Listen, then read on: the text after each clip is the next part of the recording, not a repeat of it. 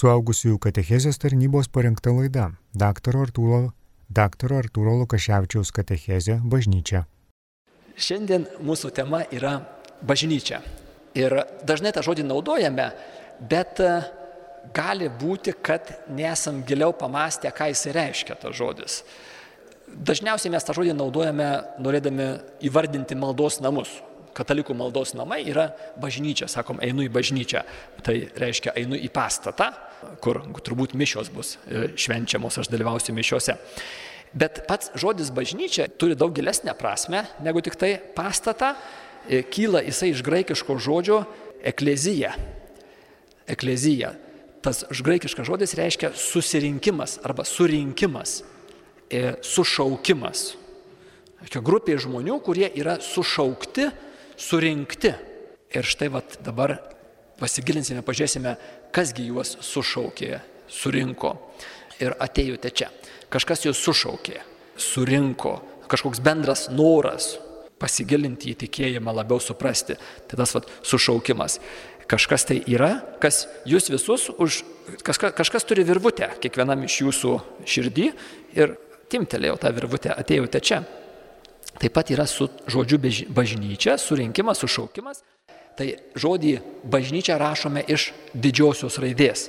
O kai kalbame apie pastatą, tai tada žodį rašome iš mažosios raidės bažnyčia. Taigi, bažnyčia yra tikėjimą, tikėjimo į Dievą sušaukti žmonės, sušaukta Dievo tauta. Dievas sušaukia per tikėjimą savo tautą.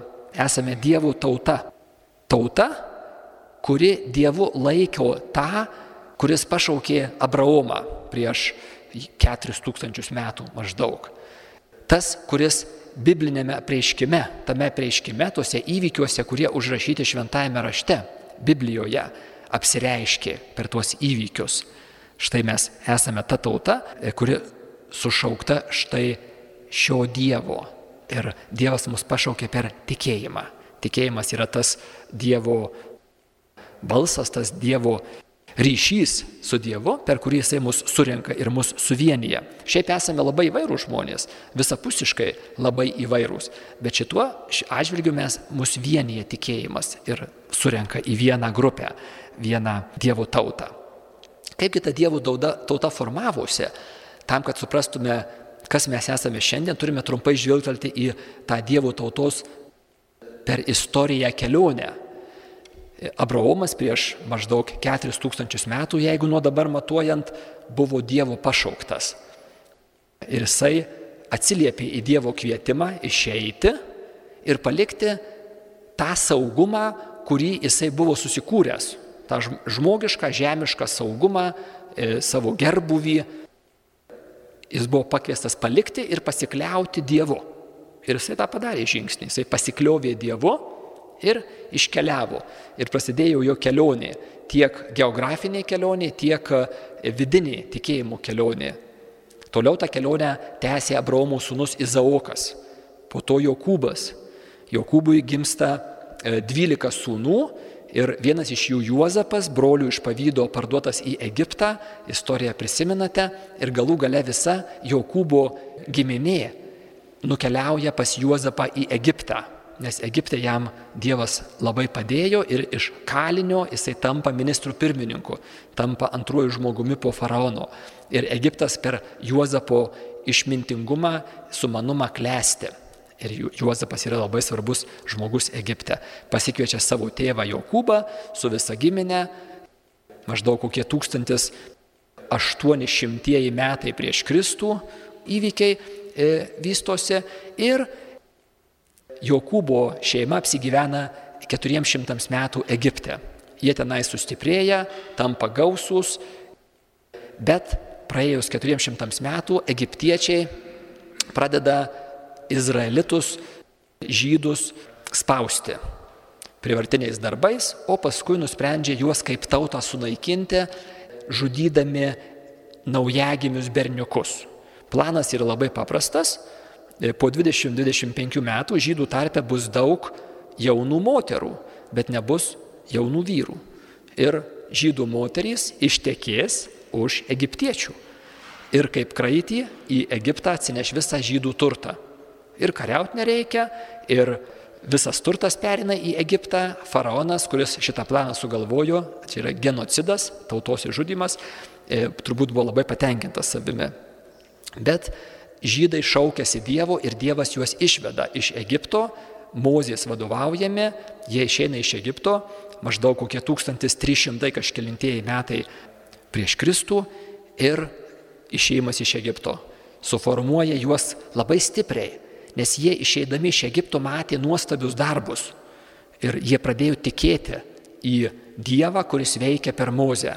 Žiūrėkite vėl, tikėjimas į Dievą juos sulibdo izraelitus ir jie iš tokios gana padrikos minios tampa Dievo tauta, kuriuos vienyje ta vidinė styga, tas tikėjimas į Dievą, į tą patį Dievą ir tai juos suvienyje.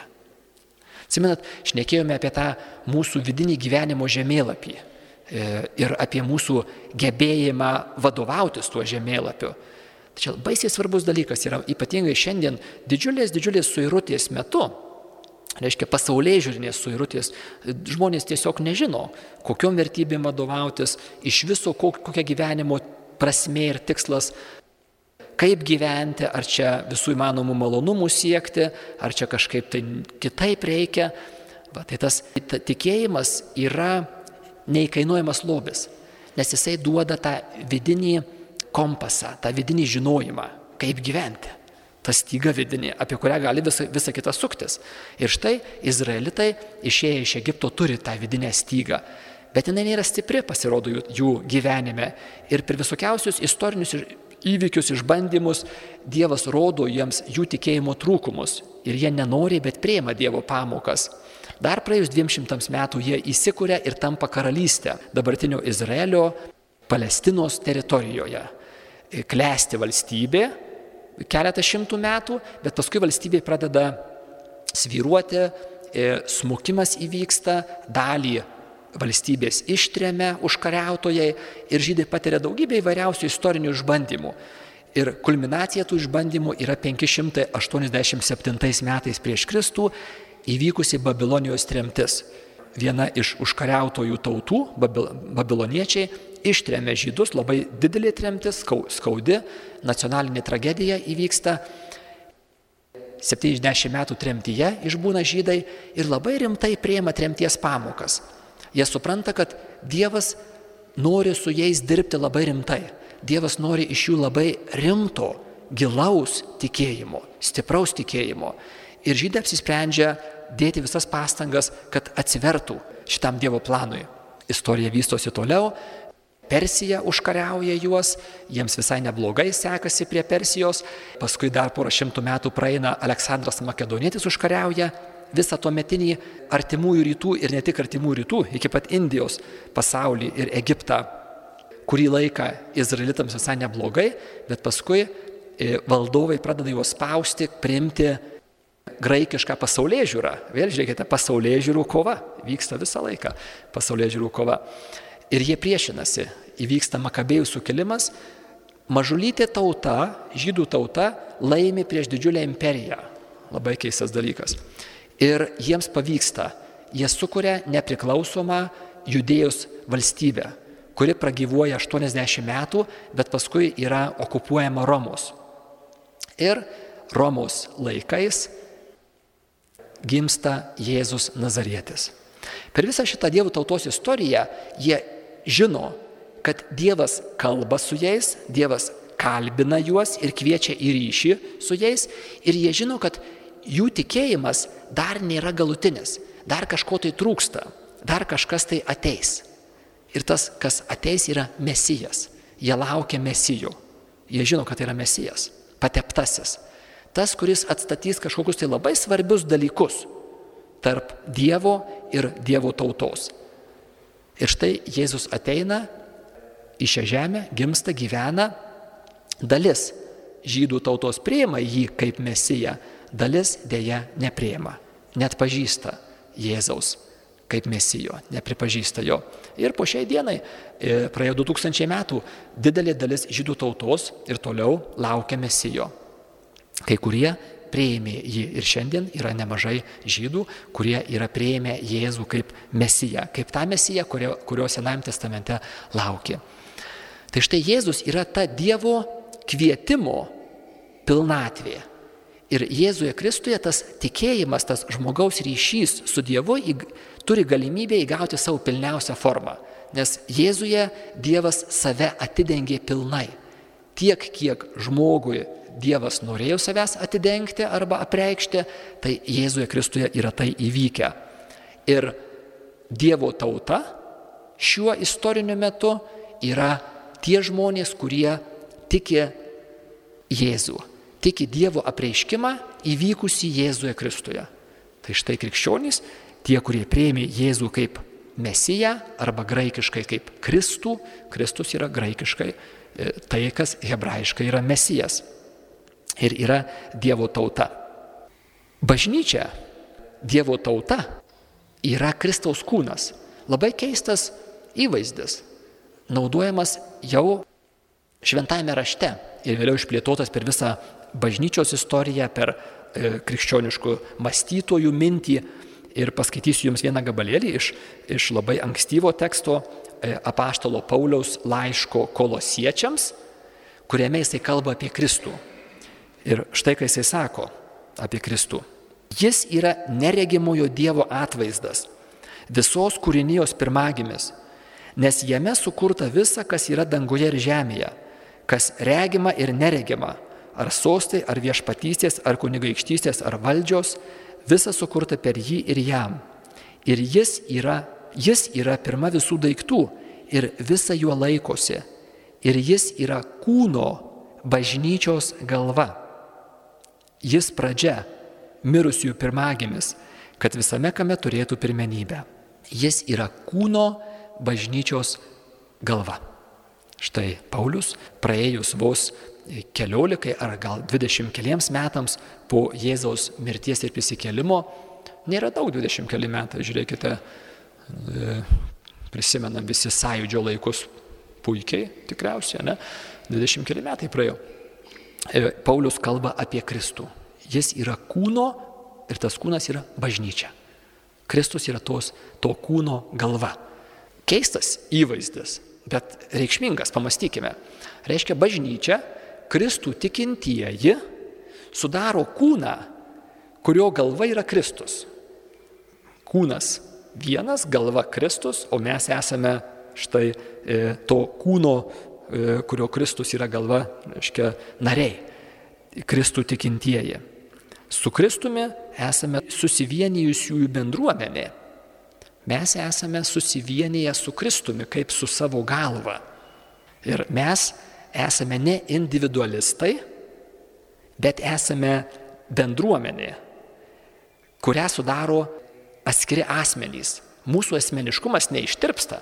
Mes vis tiek esame aš su savo valia, su savo apsisprendimais. Ir aš esu tame kūne tik tai tada, kai aš pasirenku tai. Jeigu aš to nepasirinkčiau arba atsisakyčiau, aš išeinu, iškrentu iš to kūno. Vadinasi, mano asmeniškumas yra gerbiamas ir, ir nepanaikinamas. Ne, nesusilydome į kažkokią tai vieną besmenę masę.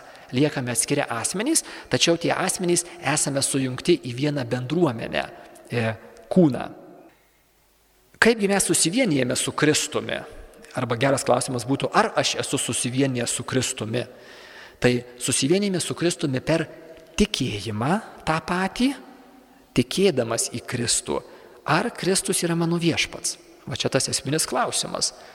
Ir jeigu taip, tai tada štai yra tas susivietas, tas ryšys, e, jungiantis mane su Kristumi, inkorporuojantis mane į jo kūną. Ir krikštas. Tikėjimas ir krikštas yra tie du elementai, kurie mane inkorporuoja į Kristaus kūną ir aš esu to kūno narys, kūno dalis. Vėlgi galime supra, pamatyti, kaip yra daugybė variacijų. Yra daug žmonių, kurie turi krikštą, bet neturi tikėjimo. Pavyzdžiui, yra žmonių, kurie kai kurie turi krik, tikėjimą, bet neturi krikšto. Mūsų katechumenai prieš krikštą primdami, jie turėjo tikėjimą, bent šiokį tokį, bet net, neturėjo krikšto. Tam, kad mūsų buvimas Kristaus kūne būtų pilnas, kuo labiau mes primtume ta, tas gyvybę teikiančius Kristaus tą gyvybę tekančią jo kūne. Tai reikia kuo pilniau atsiverti, tai mes norime turėti viską. Ir krikštą, ir tikėjimą, ir paskui visą kitą. Sakramentus ir maldos gyvenimą ir kuo, kuo pilniau, kuo labiau būtume pilni gyvybės ir gyvenimo. Mes esame suvienijami per Euharistiją. Prisimenat, Euharistija yra pats Kristus, tikras Dievas ir tikras žmogus. Kūnas, kraujas, siela ir dievystė duonos ir vyno pavydalais mums su, duodama, suteikiama ir mūsų suvienyje tai. Ir štai tas Kristaus kūnas yra maitinamas Euharistija. Jėzus savo širdimi mus maitina tam, kad padėtų mums keistis. Ir per, šią, per šį kūną, per bažnyčią, Kristus tęsia savo išganimo darbą. Mes esame ne tik tai puoselėjami, ne tik tai maitinami ir, ir gydomi, bet mes, mes turime misiją atlikti. Ta misija yra tęsti Kristaus darbą, kurį jisai pradėjo savo žemiškame gyvenime. Ryšys tarp Kristaus ir bažnyčios toksai artimas yra, kad štai tame skaitinyje e, apie Sauliaus atsivertimą. Saulius persekiotojas persekioja krikščionis. Ir prie Damasko vartų įvyksta labai keistas įvykis. Šitas persekiotojas patiria religinę patirtį turi, sukrėtimą turi. Jisai girdi balsą, kuris jam sako, Sauliau, Sauliau, kodėl mane persekioja. Bet jisai nepersekiojo Jėzaus. Jisai tada Saulius klausia, kas tu esi viešpatie. Ir jis sako, aš esu Jėzus, kurį tu persekioji. Bet Saulis nepersekiojo Jėzaus, jisai persekiojo krikščionis. Ir štai Jėzus sako, Saulio, kodėl tu mane persekioji? Jėzus yra galva to kūno, kurį sudaro krikščionys. Krikščionys yra tas kūnas. Ir persekiodamas tą kūną, tuos krikščionis, Saulis persekioja Jėzų. Įvyksta atsivertimas. Apaštalų Paulius e, tampa Kokią misiją Kristus nori tęsti per savo kūną, per bažnyčią? Labai apibendrintai, jisai nori pasaulį ir žmonės, ir mus, krikščionis, šventinti ir mokyti. Du dalykus jisai nori, tokius labai svarbius ir daugiau dalykų yra. Jisai nori šventinti ir mokyti. Žodis šventinti jau yra jums žinomas. Šventinti, ką tai reiškia? Tai reiškia mus padaryti tikrai laimingais, pašventinti. Šventas tai yra tikrai laimingas. Nors ne, ne visai tas pats, bet panašu į sveikas. Šventas yra sveikas, bet daugiau negu sveikas. Reiškia sveikas trečiuoju laipsniu. Šventas. Arba net kokybiškai kitaip, daugiau, pilniau negu tik tai sveikas. Ir tas šventinimas vyksta per sakramentus. Bažnyčioje mes esame maitinami sakramentais, mes esame gydomi sakramentais. Pats Dievas veikia per šiuos regimus ženklus. Neregimas Dievas veikia per regimus ženklus, tai yra sakramentai, e, jie yra duodami bažnyčiai ir bažnyčioje. Tiems, kurie esame bažnyčioje, esame gydomi, šventinami, daromi laimingesniais per sakramentus. Ir Kristus nori mus mokyti, moko žmoniją per savo bažnyčią. Trumpą skaitinį paskaitysiu jums iš e, pabaigos Mato Evangelijos, kai Jėzus siunčia savo mokinius ir duoda jiems užduotį. Eikite ir padarykite mano mokiniais visų tautų žmonės, krikštydami juos vardan tėvo ir sunaus ir šventosios dvasios, mokydami laikytis visko, ką tik esu jums įsakęs. Mokyti yra vienas iš Jėzaus priesakų. Jisai siunčia savo mokinius, savo bažnyčią mokyti. Mokyti ko? Ne matematikos, fizikos, biologijos, medicinos ir kitų nuostabių ir gerų dalykų, jie labai svarbus yra, bet mokyti pačių svarbiausiųjų esminių ir pamatinių dalykų. Kokia yra viso to prasmė? Kokia yra iš viso prasmė rūpintis medicina, pavyzdžiui, arba fizika. kaip gyventi reikia. Tai va čia tie tokie pagrindiniai, pamatiniai dalykai e, tikėjimo ir moralės klausimais. Jie yra. Štai ką Dievas siunčia savo bažnyčią, e, kad mokytų. Aišku, pirmiausiai mokytų savo narius.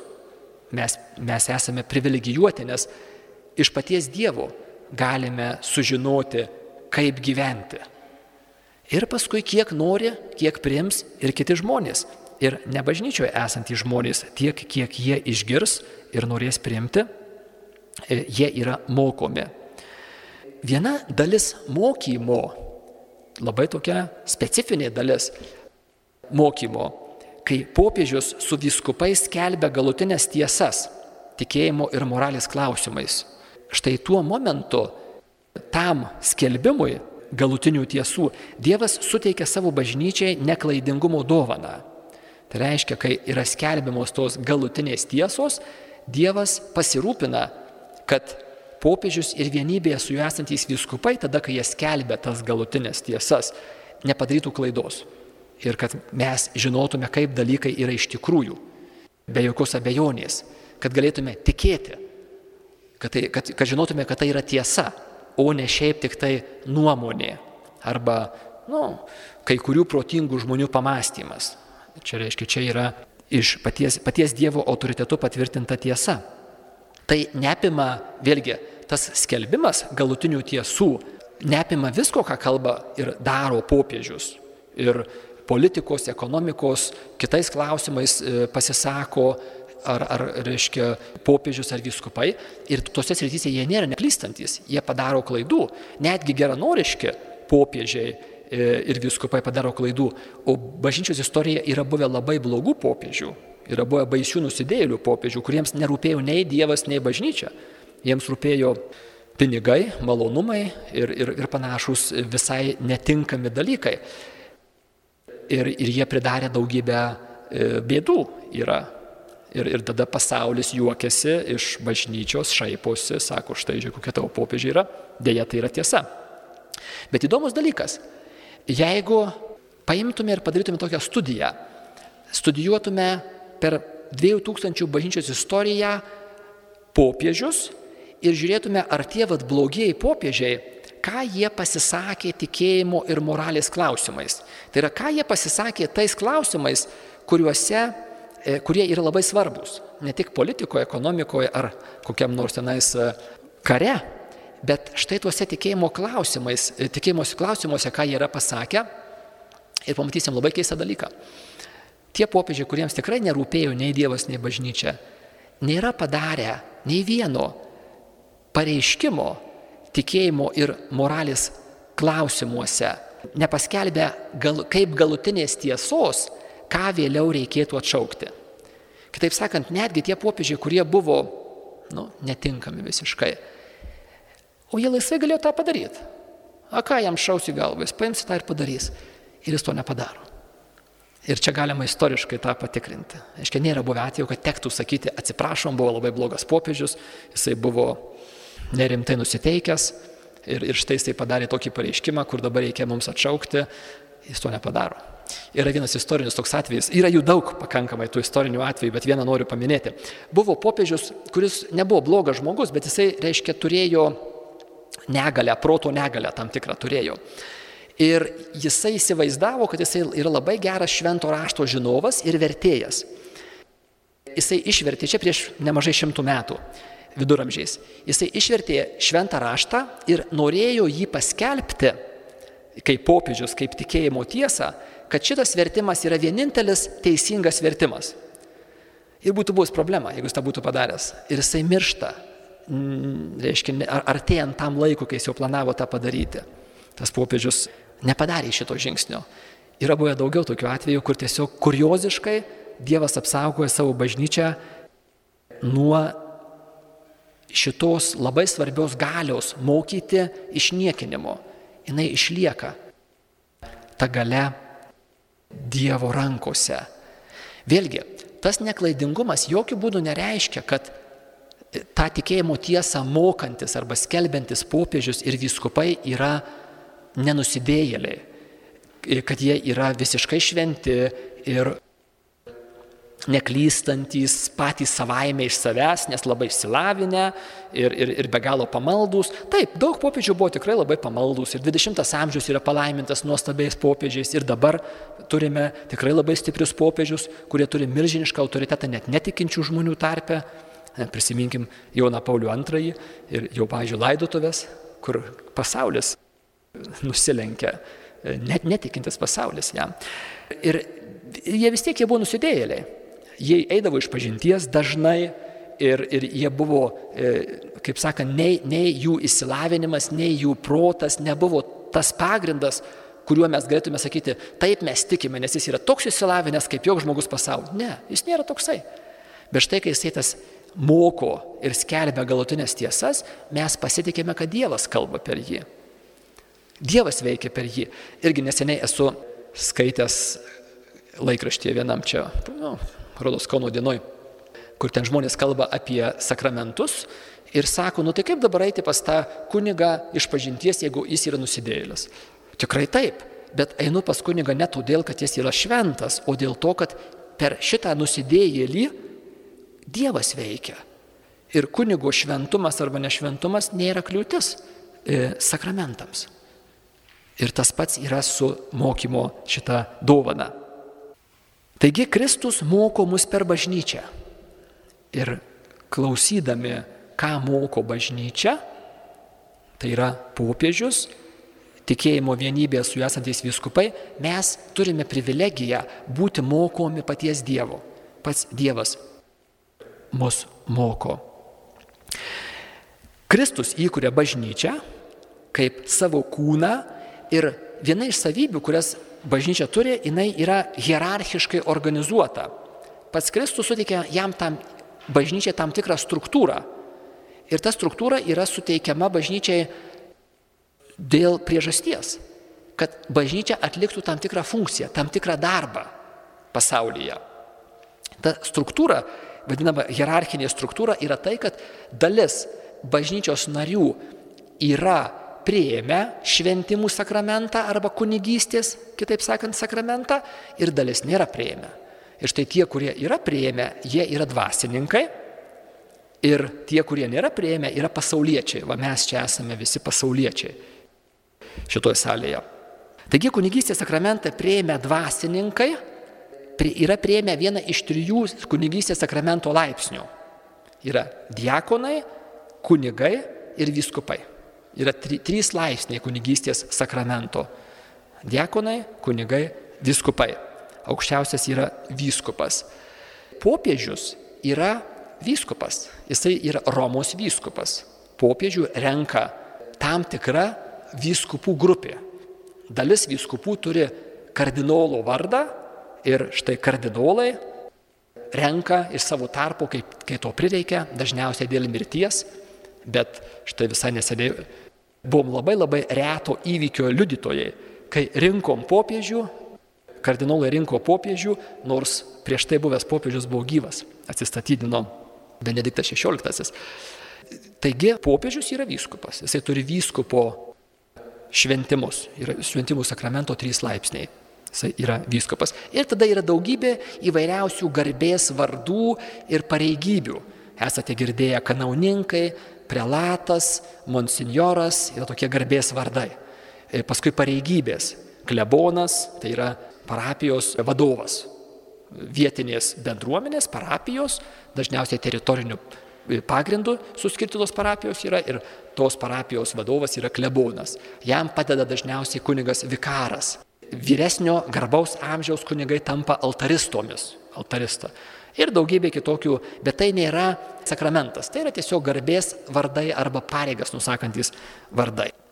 Dabar didžioji dalis krikščionių, Kristaus mokinių, Kristaus kūno narių yra pasauliečiai. Tai reiškia neturintys šventimų sakramentą, bet atliekantis Dievo jiems duotą užduotį įvairiausiose pasaulio situacijose įvairiausiose darbovietėse ir, ir namuose, ir laisvalaikio vietose, reiškia, jie gyvena pasaulyje ir jų pagrindinė Dievo karalystės statybos vieta yra pasaulis, pasaulio kryškelės. Ir Dievas pašaukia mus, pašaukia žmonės vienus į šventimus turinčiuosius, o kitus į pasauliečius. Ir pasauliečių tarpe yra daugybė visokiausių funkcijų, kurias atliekame Dievo garbiai, Dievo valią vykdydami. Turėtume, turėtume stengtis ieškoti Dievo valios ir ją vykdyti daugybėje kasdienių ir, ir nekasdienių stambesnių ir labai svarbių pasirinkimų. Taigi įvairūs pašaukimai. Kai kurie pasauliečiai ir kai kurie kunigai tampa vienuoliais, tampa pašvestojo gyvenimo luomo nariais. Yra vienuolių, reiškia, kurie yra kunigai, vyrai, bet yra vienuolių vyrų, kurie nėra kunigai, yra tik, tik tai vienuoliai. Ir tada visos moterys vienuolės yra, aišku, be kunigystės sakramentų, jisai tik vyrams teikiamas yra, tai turime tą pašvestą į gyvenimą. Dabar Dievas šaukia į šituos, šituos gyvenimo stovius, į šituos luomus. Ir daugumai iš mūsų jau tas nėra aktualu, bet kai kuriems jaunesniems čia mūsų tarpe yra pašaukimo klausimas aktualus. Kažin, kur Dievas mane šaukia? Į ką Dievas mane šaukia? Arba kuris pašaukimas pats geriausias? Aš tai, pavyzdžiui, norėčiau paties geriausio pašaukimo, paties rimčiausio pašaukimo. Ir kartais žmonės galvoja, kad pats rimčiausias tai yra būti popiežium. Ir kai kurie sako, aš jaučiu pašaukimą būti popiežium, pavyzdžiui. Arba nu jau mažų mažiausiai kunigu būti toks vat, visai dar rimtas, o kiti tokie nelabai rimti. Tai iš tikrųjų yra ne taip, nes Dievas neduoda nelabai rimtų pašaukimų. Jisai sako, va, va tas, tas žmogus tai yra, aš jam duosiu tikrai tokią gerą dovaną. O va šitam tai duosiu tokią, na tokią, žinai, antrarūšę dovaną, tokį, tokį prastoką pašaukimą duosiu. Ne, tai būtų neverta Dievo. Jo visos dovanos yra šimtaprocentiniai geros ir visi pašaukimai yra šimtaprocentiniai geri. Taigi pats geriausias pašaukimas yra tas, kurį tau Dievas duoda. Čia yra pats geriausias pašaukimas. Ir verta dėti pastangas, kad jį atpažinti ir, ir jį primti ir juo gyventi. Žmonės, jauni žmonės dažnai bijo pašaukimo, nes galvoja, jeigu tik tai aš jau leisiu Dievui mane pašaukti, tai aišku, jisai reikalaus iš manęs kunigystės arba vienuolystės. Tai, tai tikrai geriau, kaip sakant, neleisti jam čia šaukti manęs, kad aš galėčiau daryti tai, ką aš noriu. Problema su šituo yra, su šituo mąstymu, daug problemų yra, bet esminė problema yra tokia. Dažniausiai tai, ką tu nori, iš tikrųjų nori ir yra Dievo pašaukimas, nes tą norą jisaigi ten jau. Pašaukimas reiškiasi per tavo tą giliausią tikrąjį norą. Ir aišku, reikia padėti pastangas, kad nuvalyti šiukšlės nuo visokius triukšmus, paviršinius ir atpažinti tą giluminį norą. Bet tai ir yra tas, tas Dievo įsodintas noras. E, vienas toksai protestantų pastorius labai bijojo atsiduoti Dievui, nes galvojo, kad Dievas jį tada iš karto pasiūs į Afriką misionieriauti. Ir po kurio laiko jisai suprato, kad Dievas niekada jo nepasiūs į Afriką, prieš tai neįdėjęs Afrikos jo širdį. Tai nebijokim atsiduoti Dievui. Jisai niekada nepareikalaus iš mūsų e, tai, kame mes būtume nelaimingi Kiekvienas pašaukimas yra mūsų pačių e, ir kitų žmonių e, laimiai. Taigi bažnyčia, hierarchiškai, hierarchiškai organizuota Dievo tauta, kurioje atlieka skirtingi nariai skirtingas funkcijas pagal Dievo sutvarkymą. Ir kadangi funkcijų yra didelė įvairovė, tai ir tarnyščių, kurios atlieka tas funkcijas, yra didelė įvairovė. Vieni yra šventimus turintys, kiti šventimų neturintys ir, reiškia, vieni kitiems jie pasitarnauja ir, ir atlieka įvairius darbus tame viename kūne e, bažnyčioje. Toliau bažnyčia yra trijų būvių. Bažnyčia yra trys būviai bažnyčios. Yra keliaujanti bažnyčia, kenčianti ir triumfuojanti bažnyčia. Keliaujanti bažnyčia yra šioje žemėje, tai yra mes mes esame, mes esame tremtyje ir keliaujame į tėvo namus. Štai ta keliaujanti bažnyčia. Kenčianti bažnyčia tai yra tie tikintieji, kurie jau baigė savo žemiškąją kelionę ir e, skaistykloje yra užbaigiamas jų e, pilnas nuvalymas, jų pilnas ištiesinimas. Nes paaiškėjo, kad, kad kai kuriuom savo sritimis asmens jie dar nėra pilnai pasirengę dalyvauti e, dangaus laimėje. Dar ne viskas yra sutvarkyta. Dar yra kreivų ir lygotų ir e, egoizmo suluošintų sričių ir, ir tai trukdo dalyvauti dangaus laimėje. Tai tie tikintieji, kurie dar šioje žemėje paka, pakankamai ne, neatsivėrė Dievo gydančiai keičiančiai galiai e, skaistykloje. E, tai patiria, užbaigia jų tas valymas, gydimas. Skaistykla, kenčianti bažnyčia, nes tai yra kančia. Kokia kančia? Matyti, kad puota jau vyksta, o aš dar negaliu į ją patekti. Ar esate buvę tokioje situacijoje, kur, kur mano, man labai brangus žmogus yra čia pat, ir aš dar negaliu, kažkas tai trukdo man, man su juo, reiškia, ar tai darbas, ar tai pareigos, ar tai kažkas tai, na, ir, ir aš negaliu, dar negaliu džiaugtis tą bendrystę. Ar, ar galų gale netgi galim tokį įsivaizduoti pavyzdį, kur štai vasaros atostogos artėja, nu bet dar dvi savaitės liko darbo šitam dulkinam, dūminam mieste. Ir tada aš tiesiog kenčiu, kaip aš noriu jau to gėrio, kuris yra čia pat, bet dar reikia e, kažką tai atlikti, kad galėčiau jį, jame dalyvauti. Tai čia yra skaistykla. Skaistykla tai yra kaip, kaip tokia skalbykla, aiškia, kur dar nepakankamai švarūs esame skalbiami. E, ar meilės treniruočių stovykla, kur paspartintais tempais yra laužomi mūsų egoistiniai įpročiai ir ugdomi mūsų meilės įpročiai. Ir kadangi tai vyksta paspartintais tempais, tai skauda. Ir triumfuojanti bažnyčia, triumfuojanti bažnyčia yra dangus. Tai yra tie, kurie jau pasiekė savo galutinę tėvynę ir džiaugiasi tą laimę, kuri, kuri neturi žodžių nusaky, būti nusakyta. Triumfuojanti bažnyčia. Jie meldžiasi už mus, už mus, kaip sakant, serga, kad mes irgi patektume. Įsivaizduokite, e, visas dangus mato jūs ir tiesiog serga, kaip per, per, per krepšinio rungtynes gerai, gerai, tą tu gali, tai pasistenk. Oh, nepasisekė. Tada meldžiasi jie visi, reiškia vėl ir, ir visa, visa serga, visas dangus, kad, kad koks nors tenais e, žmogelis e, sėkmingai per šito gyvenimo trasą visą jisai e, per kliūtis praeitų.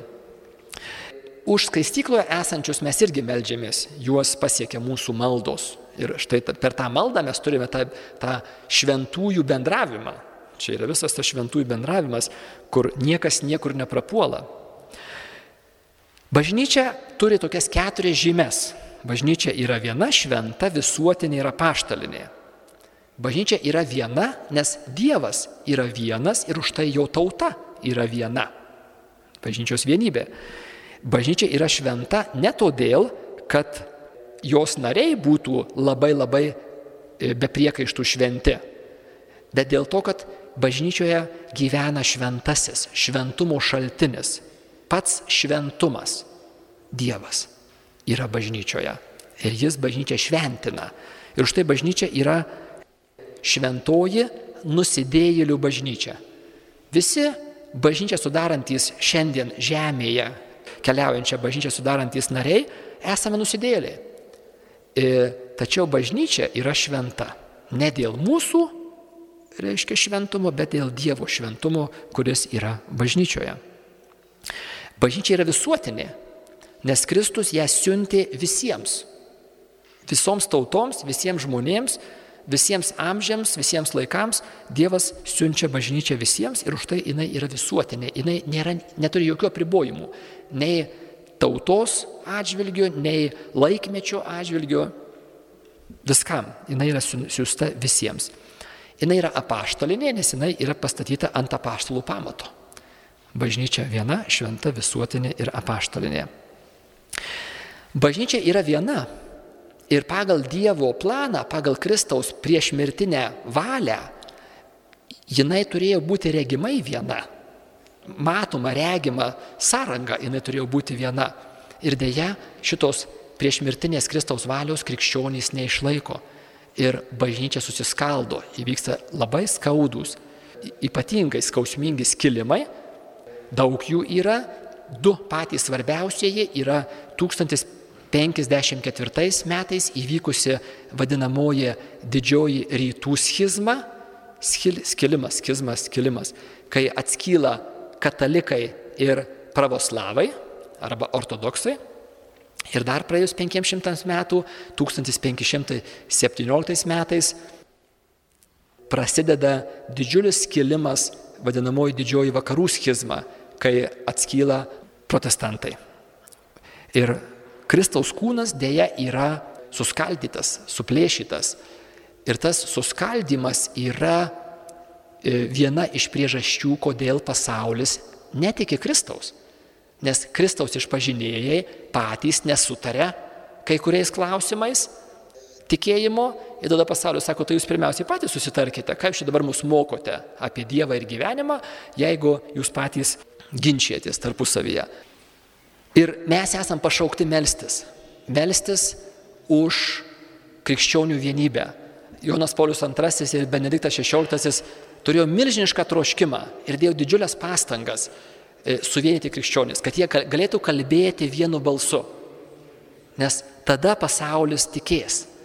Ir tai, kas šiandien darosi vakarų pasaulyje, e, tas e, neįtikėtino dydžio atitolimas, nusigrėžimas nuo Dievo yra krikščionių susiskaldimo ir nesantaikos vaisius.